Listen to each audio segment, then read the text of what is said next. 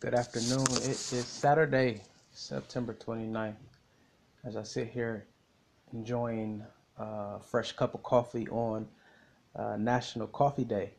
I love coffee, um, but this is a, a special day. It's National Coffee Day to all my coffee drinkers. Shout out to each and every one of you. Um, as I sit here and enjoy a cup of coffee, I'm sitting here wondering what could be said to you to get you off the couch. What can I say to you to get you motivated? What could be said to cause you to live out your dream? What if seven figures was your reality? What if that dream home became in your reach? Listen, I want you to know that you can do what you put your mind to. You don't have to settle for mediocrity. Settle for a life that is subpar. You don't have to allow your couch to be your place of residency. You don't have to stay in the confines of your home and allow that to be what you do all day, every day, 24 7. I want to encourage you there's more to life uh, than to just sit in front of the TV screen and allow your life to waste away. No. I want to motivate you and let you know there's more out there for you. There's more world for you to see, more landscapes and terrains for you to explore. And you're not going to get that sitting on the couch. You're not going to get that just um, working a regular nine to five. That I'm not shading anyone who's working a nine to five, or I want to sit simply tell you, but there's more to life.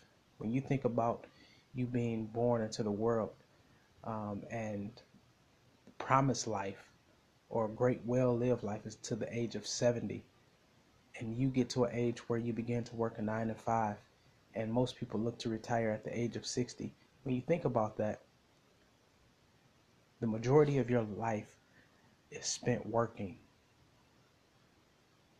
And the majority of the people that are working their jobs are not satisfied with what they're doing. You're investing blood, sweat, tears, breaking down your body dealing with negative energy, dealing with people you really don't want to associate yourself with. You're doing this for 20, 30 years, and you pray that you retire at 60 and you're able to live the life that you want to live at 60. I want to tell you, you can live your best life now. How do you live your best life now? That dream that God gave you has to come to life. You have to live by faith faith will allow you to conquer your current life so that you can live the life that God has for you. Dream bigger, think bigger, but don't forget that your actions will take you to where you need to go. When I think about God and His creative ability, God has created you and giving you the supplies in which you need to be a successful entity on earth.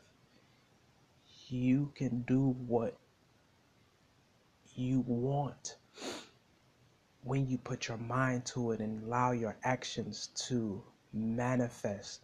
Listen,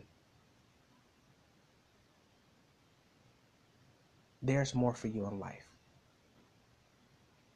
There's more people for you to impact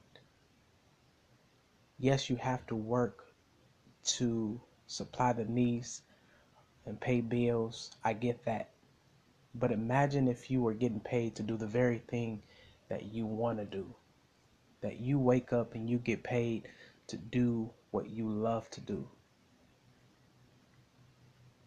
When you discover your purpose, you realize that your purpose was looking for you. And your purpose is something that causes for you to do what you were created to do while living the most satisfying life possible.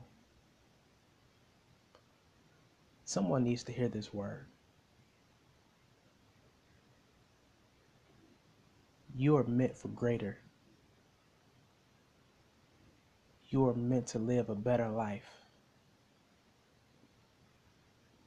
You are meant to see the world and to travel the earth and to see and to visit places and to be able to go into your favorite store and just buy what you want and to go to different lands and to um, visit the different continents and to experience the various cultures and various social um, experiences that there are for the for you in your life.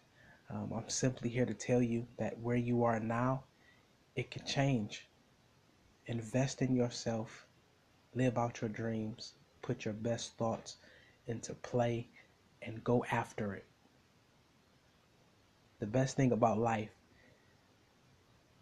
about waking up today, is that you have the ability to change where you are. It's not about where you started.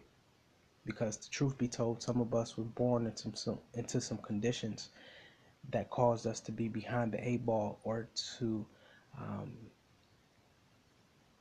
be in some uncomfortable positions. But the great thing about life it's not where you start, but it's where you're going and where you finish. Just because you didn't start off where somebody else started off, you can use today to walk towards your destiny, walk towards your luxury living, walk towards a greater plan. I'm telling you, this day, I want to raise your awareness that you do not have to stay where you are, but you can live a life that gives you everything that you envision. All right, peace, go in love.